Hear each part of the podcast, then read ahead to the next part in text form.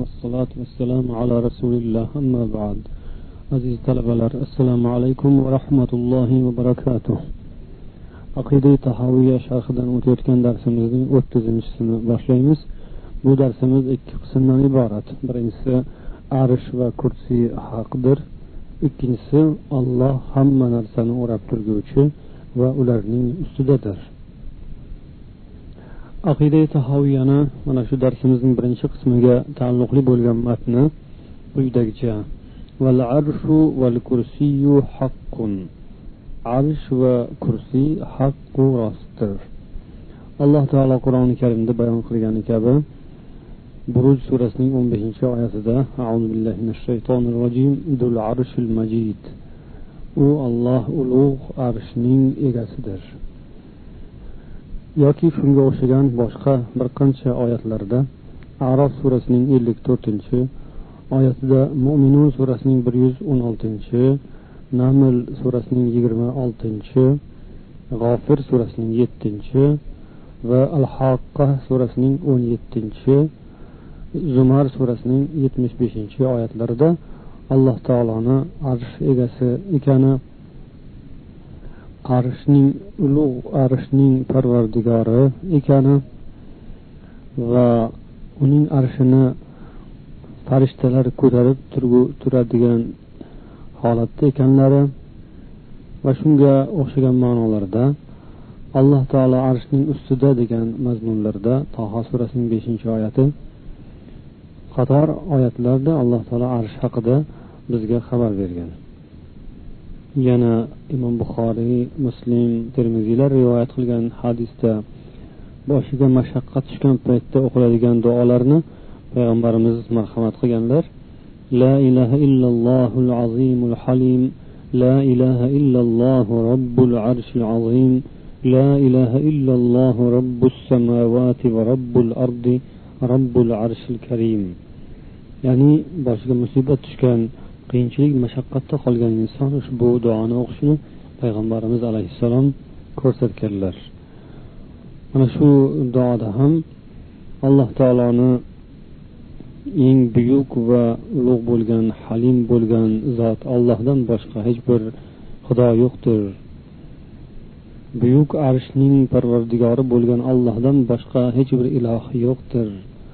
Osmonlaru yerning robbisi. Va buyuk arshning robbisi bo'lgan ollohdan boshqa hech bir xudo yo'qdir deb allohni ulug'lanadi bu duolarda. Bu yerda ham arsh haqida so'z ketgan. Sahih buxoriyda rasululloh sollallohu alayhi vasallam alloh taolodan jannatni so'rasalaringiz undan firdavs jannatini so'rangizlar deb aytganlari rivoyat qilinadi. Undan firdavs jannatini so'ranglar chunki u jannatning a'losidir va jannatning o'rtasidir va ana shu firdavs jannatining ustidadir rahmonning arshi deb aytgan edilar. Ba'zi ahli kalom toifalari arsh bu yumaloq dumaloq bir falakdan iboratdir. Butun olamni hamma tomondan o'rab olgandir degan so'zlarni ham aytganlar. Ba'zan uni to'qqizinchi falak deb ham aytganlari bu umuman hammasi noto'g'ri so'zdir. Kitobi sunnatga va ulamolarni so'zlariga xilof bo'lgan gaplardir. Chunki hadislarda aniq vorid bo'lganki u arshni maloikalar ko'tarib turadilar va u arshning oyoqlari pochasi bor ekanligi haqida rivoyatlar kelgan. Arsh bu lug'atda arabchada yana boshqa iboralar bilan ta'riflanganda sarir. Sarir allazi lil malik. Ya'ni podshohning taxti degan ma'noni bildiradi lug'aviy ma'nosi. Qur'oni karimda ham naml surasining yigirma uchinchi oyatida valaha arshun azim deb bilqis haqida sabo malikasi bilqisni buyuk kattakon arshi bor edi taxti bor edi deb aytilgan. Demak bu yuqorida ba'zi bir faylasuflarni davolariga qaraganda falak deb aytish umuman noto'g'ri. Demak u falak degan ma'noda ishlatilgan emas. Arablar arshni taxt ma'nosida ishlatganlar. Qur'oni karim shu demak arablarning tillarida nozil bo'lgan demak arabcha ma'nolaridan kelib chiqib bunga e'tibor beriladi. Demak u farishtalari ko'tarib turadigan e, oyoqlari ustunlari bo'lgan allohning maxluqotlaridan eng ulkani buyugi va uni butun olamning usti tomi deb ta'riflasa ham bo'ladi. Abu davud rasululloh sollallohu alayhi vasallamdan rivoyat qilgan hadisda payg'ambar alayhissalom aytdilarki alloh taolodan menga allohning arshini ko'tarib turguvchi farishtalaridan bir farishta haqida xabar berishga ijozat etildi. Deydilar shu farishtalardan birining ikki qulog'i bilan bo'yni orasidagi masofa yetti yuz yillik yo'ldir deydilar.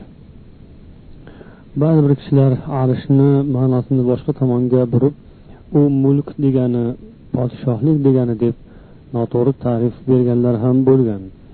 Ammo u qur'on sunnatga xilof ekanligi shunday ham ma'lum. Kursiy esa bu o'zbek tilida ham tushuniladigan ma'no. Kursiy qur'oni karim baqara surasi ikki yuz ellik beshinchi oyatda azu billahi minash shaytonir rojim allohning kursiysi osmonlaru yerni o'z ichiga oladi deb xabar berilgan. Ba'zilar kursiyni kursiyni arshning o'zidir arshdan iboratdir deb aytganlari noto'g'ri. Lekin to'g'risi bu kursiy boshqa narsa arsh boshqa narsadir. Mufassirlardan as suddiy aytadilarki osmonlar va yer kursiyning ichidadir kursiy esa arshning oldida. Yana bir rivoyatda arshga nisbatan kursiy shundayki xuddi arsh agar uni bepoyon bir sahroga qiyos qilinsa kursiy esa o'sha sahroga tashlab qo'ygan bir kichkina halqa kabidir deyiladi. Ba'zilar kursiyni yana boshqacha ta'riflab u ollohning ilmidir degan so'zlarni ham aytganlar. Ammo bu ham yuqorida arshni mulk deb aytilgani kabi kursiyga nisbatan bildirilgan noto'g'ri fikrdir. Kursiy bu xuddi arshning oldida unga chiqadigan zinapoya kabidir deb ta'rif berganlar salaf ulamolaridan bir qanchalari. Umuman olganda arsh ham kursiy ham inson aqlini lol qoldirguvchi alloh taoloning buyuk ulkan maxluqotlaridan biri va inson zoti o'z ilmi va aqli bilan hech qachon bu narsalarning mohiyatiga anglab yeta olmaydi. U narsani inson tasavvur ham qila olmaydi. U parvardigorning qudrati ilm g'aybga taalluqli bo'lgan narsalar bularning hammasiga biz iymon keltiramiz. Allohu payg'ambarning murodida ularning ta'riflarida qanday bo'lsa o'shandaydir deb iymon keltiramiz tasdiqlaymiz ishonamiz. Ko'rmagan narsamizni ko'z o'ngimizga keltirib gavdalantirishdan hayolimizda uni tasavvur qilishdan cheklanamiz tiyilamiz. Alloh bu maxluqotlarini o'zi xohish irodasi bilan o'zining hikmati taqozosi bilan yaratgan. Uning hikmati allohning o'zigagina ma'lum. Alloh taolo bu narsalarning barchasidan mustag'niy ya'ni behojat ekanligi bu darsimizning ikkinchi qismiga taalluqli mavzu. Ikkinchi qism alloh hamma narsani o'rab turuvchi va ularning ustidadir deb nomlangan edi. Bu o'rinda ham aqida tahoviyaning navbatdagi matniga murojaat qilamiz وهو مستغن عن العرش وما دونه محيط بكل شيء وفوقه وقد أعجز عن الإحاطة خلقه الله arsh va undan boshqa narsalardan behojatdir u hamma narsani o'rab turguvchi va ularning ustidadir o'z maxluqotlarini uni o'rab olishdan ojiz qilib qo'ygandir qur'oni karimda oli imron surasi to'qson yettinchi oyatida alloh taolo أعوذ بالله من الشيطان الرجيم فإن الله غني عن العالمين albatta alloh taolo barcha olamlardan mustag'niy behojatdir deb xabar bergan yana boshqa oyatlarda ham boshqa sura oyatlarida fotir surasining o'n beshinchi oyatida ham alloh taolo g'aniydir hamiddir Hech narsaga muhtojligi yo'q. U doimo maqtalgan ulug'langan zotdir deb aytadi. Imom tahoviy arsh va kursiy haqida so'z yuritib turib uning so'ngidan darhol alloh u narsalarga hojati yo'q ekanligini ham zikr qildilar. Toki ma'lum bo'lsinki alloh taolo hech narsaga muhtoj emas. Arsh va kursiyni yaratishdan ko'zlangan hikmat bor. U hikmat allohning o'zigagina ayon alloh bu narsalarni o'ziga kerak bo'lgani uchun yaratgan emas ekanligini yaxshi bilishimiz lozim. Alloh oliy hammadan ustun bo'lgan zot u quyi bo'lgan narsalarga o'zidan quyi bo'lgan narsalarga muhtoj emas. Xuddi osmon hammadan ustun hamma maxluqotlarning ya'ni biz ko'rib turgan bu dunyodagi maxluqotlarning ustida yerning ustida lekin osmon yerga muhtoj emas. Alloh taolo arshdan behojat arshga muhtoj emas. Arsh esa allohga muhtoj. Alloh arshni o'ragan arsh esa uni o'ra olmaydi. Hamma narsani olloh o'rab turadi lekin hech bir narsa uni o'ray olmaydi. Imom molik rahimaullohdan oyati haqida arob surasining ellik uchinchi oyati haqida so'rashgan istivo nima degani? Istivoni qanday istavoni qanday tushunamiz deb so'ralganda u zot al istivau ma'lumun val kayfu majhul deganlar. Ya'ni istivo bu ma'lum narsa lug'atan uni tushunsa bo'ladi lekin kayfiyat esa holat esa majhul noma'lumdir deganlar. Ya'ni qanday degan savolga qanday holatda qanday kayfiyatda degan savolga javob bera olmaymiz. Bu allohning o'ziga ayon kayfiyati holatidan biz bexabarmiz. Aqida tahoviyaning ushbu matnida muhitun bikulli shayin va fawqahu. Olloh hamma narsani o'rab olguvchi va ularning ustidadir degan matnidan ma'lum bo'ladiki demak alloh taolo bu olamning ustida hamma narsadan oliy va ustundir. Alloh hamma narsani o'rab turguvchi zot ekanligi haqidagi ma'lumotlar buruj surasining yigirmanchi oyatida fussilat surasining ellik to'rtinchi oyatida niso surasining bir yuz yigirma oltinchi oyatlarida ma'lum. Alloh hamma narsani o'rab turguvchi degani bu xuddi falakka o'xshab tushunilishi noto'g'ridir. Falak ya'ni gir atrofini o'rab olgan narsa falak degani emas.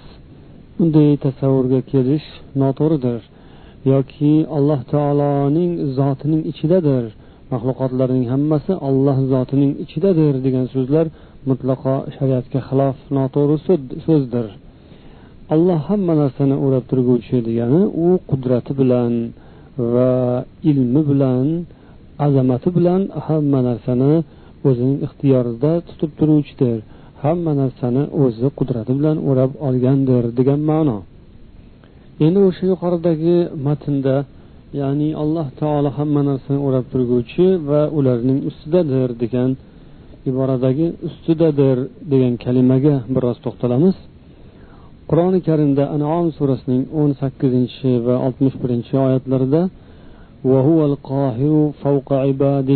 degan kalimalar bor. Alloh barcha bandalarining ustidan barcha bandalarning ustida degan ma'nolar yoki nahl surasining elliginchi oyatlarida ham xuddi shu ma'nolar takrorlanadi. Imom zahabiy al ulu kitoblarida ibn asokir tarix dimashq kitoblarida va yana bir qator mo'tabar manbalarda payg'ambar alayhissalomning sahobalaridan abdulloh ibn ravoha roziyallohu anhuning she'rlari rivoyat qilingan. Bu she'rni u kishi payg'ambarimiz sollallohu alayhi vasallamning huzurlarida o'qigan ekanlar. U she'rni yozilishiga sabab ayollari bilan o'rtalarida bir mojaro bo'lib qolgan keyin shundan shikoyat qilib she'rga solib o'rtadagi muammoni rasululloh sollallohu alayhi vasallam oldilarida aytgan edilar. O'sha she'rda ham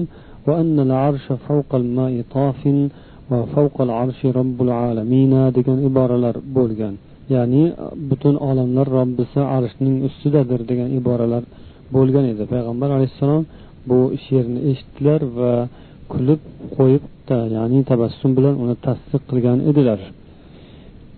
Yana imom zahabiy siyer alam an nubala kitoblarida payg'ambarimiz sollallohu alayhi vasallamning shoirlaridan hassan ibn sabit roziyallohu anhuning she'rlarini keltiradilar. U kishi payg'ambar alayhissalom huzurlarida ushbu she'rni o'qigan edilar. شهدت بإذن الله أن محمدا رسول الذي فوق السماوات من علو وأن أبا يحيى ويحيى كلاهما له عمل من ربه متقبل وأن الذي عاد اليهود ابن مريم رسول أتى من عند ذي العرش مرسل وأن أخا الأحقاف إذ قام فيهم يجاهد في ذات الإله ويعدل degan she'rni o'qidilar bu yerda men guvohlik beramanki albatta muhammad alloh taoloning izni irodasi bilan osmonlar ustidagi zotning huzuridan kelgan rasul elchidir va yana abu yahyo ya'ni zakariya va yahyo bular alloh taolo huzurida amallari qabul bo'lgan insonlardir. Va yahudlar qarshi kurashgan dushmanlik qilgan zot maryamning o'g'illari u kishi arshning egasi huzuridan yuborilgan elchi payg'ambardir.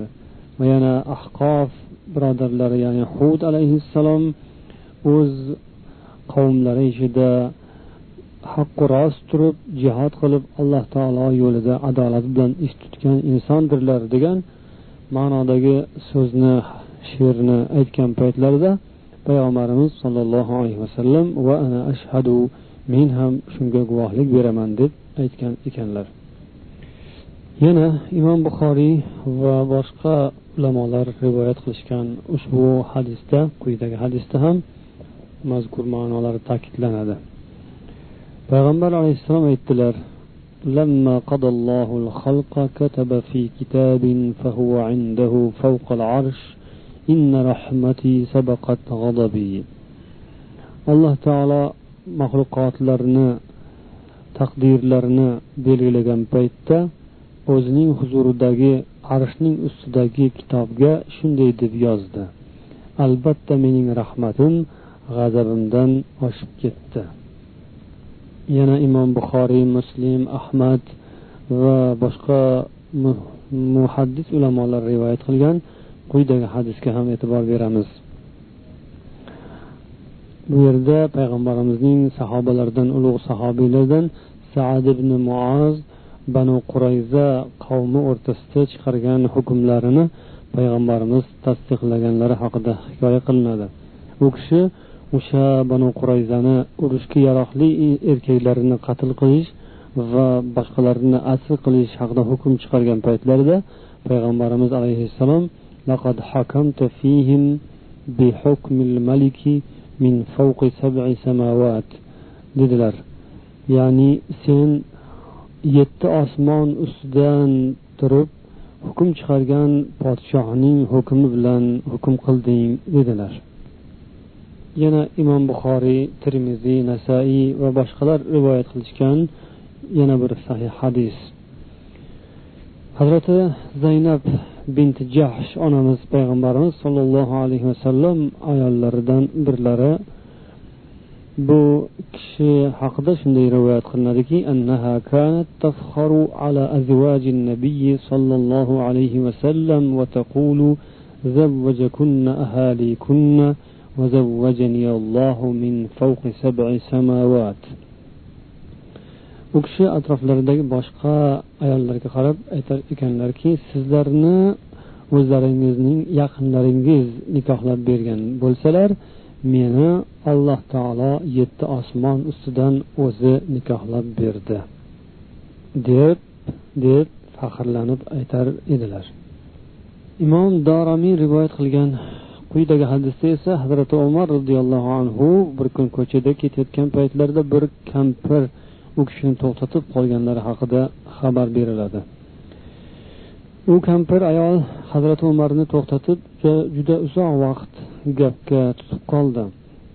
Shunda bir odam kelib ey umar ey amiril mo'minin mana shu bir kampir tufaylidan bu odamlarni bir qancha insonlarni siz to'xtatib qo'ydingiz shu bir kampirni gapini eshitaman deb qancha odamlarni siz to'xtatib qo'ydingiz?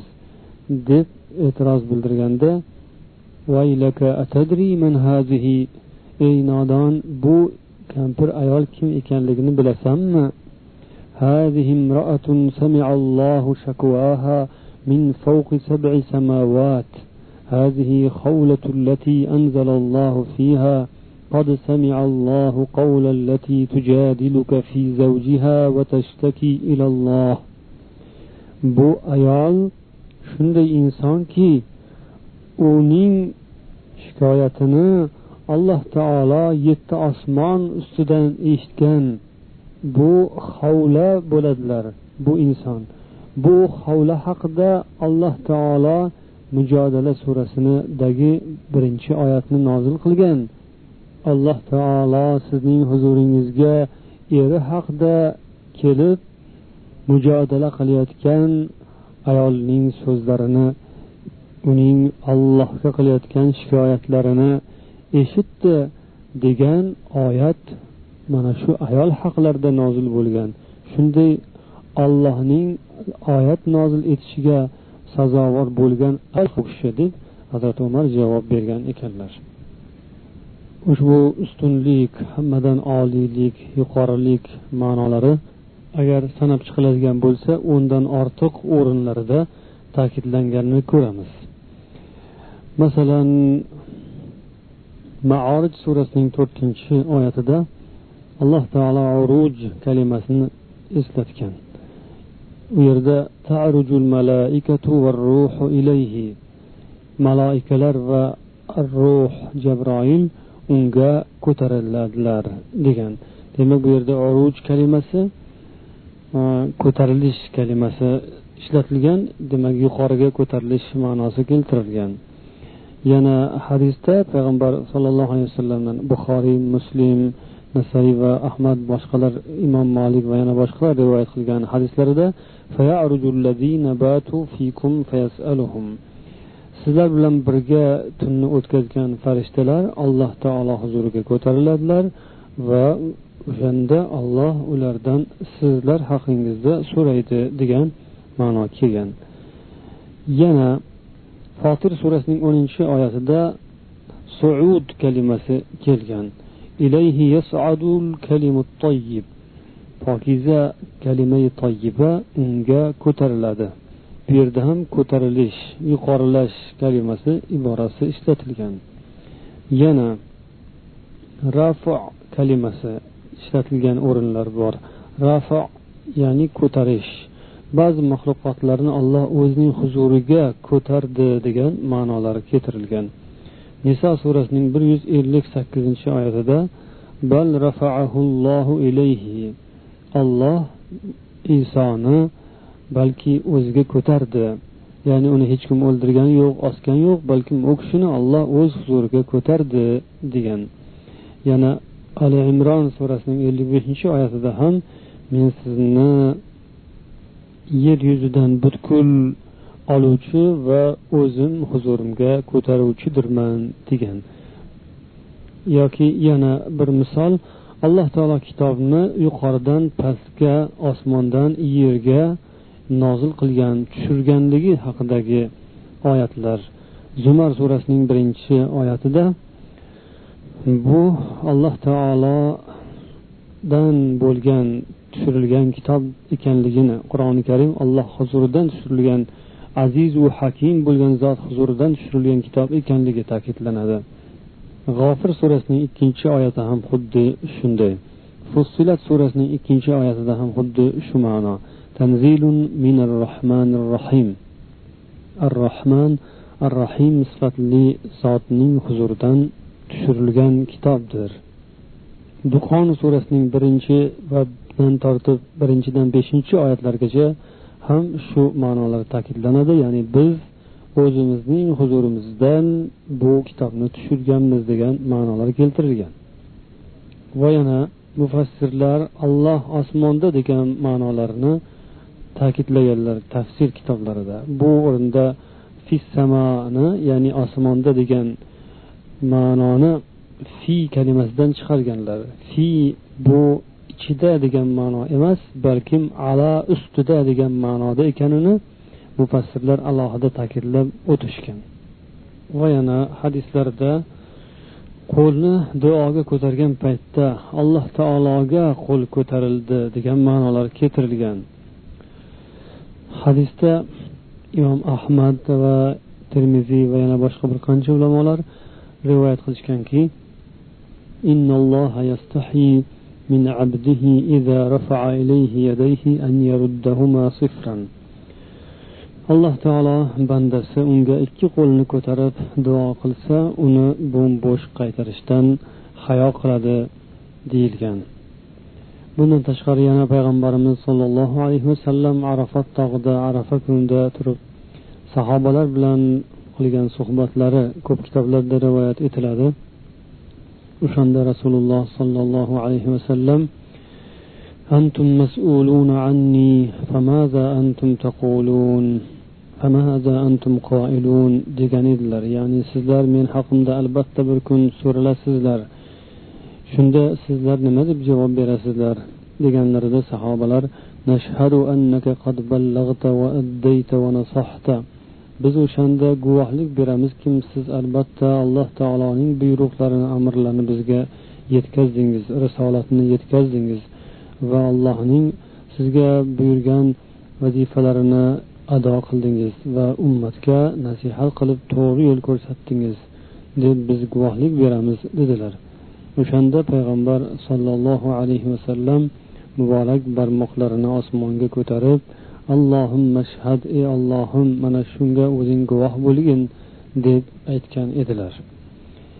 Yana imom buxoriy muslimlar rivoyat qilishgan muttafaqun alayh hadisda hazrati payg'ambar alayhissalom merojga ko'tarilgan kechada alloh taolo ellik vaqt namozni farz qilgan edi keyin u besh mahalga keltirildi lekin mana shu o'rinda u kishi hazrati muso alayhissalom bilan bir necha bor muloqotda bo'lganlar alloh bilan muso alayhissalom o'rtalarida chiqib tushganlari haqida rivoyat qilinadi bir necha bor alloh huzuriga ko'tarildilar yana qaytdilar yana ko'tarildilar yana qaytdilar oxiri shunday qilib besh mahal namoz farz bo'ldi bu haqdagi hadis ham barchaga ma'lumdir سبحانك اللهم وبحمدك أشهد أن لا إله إلا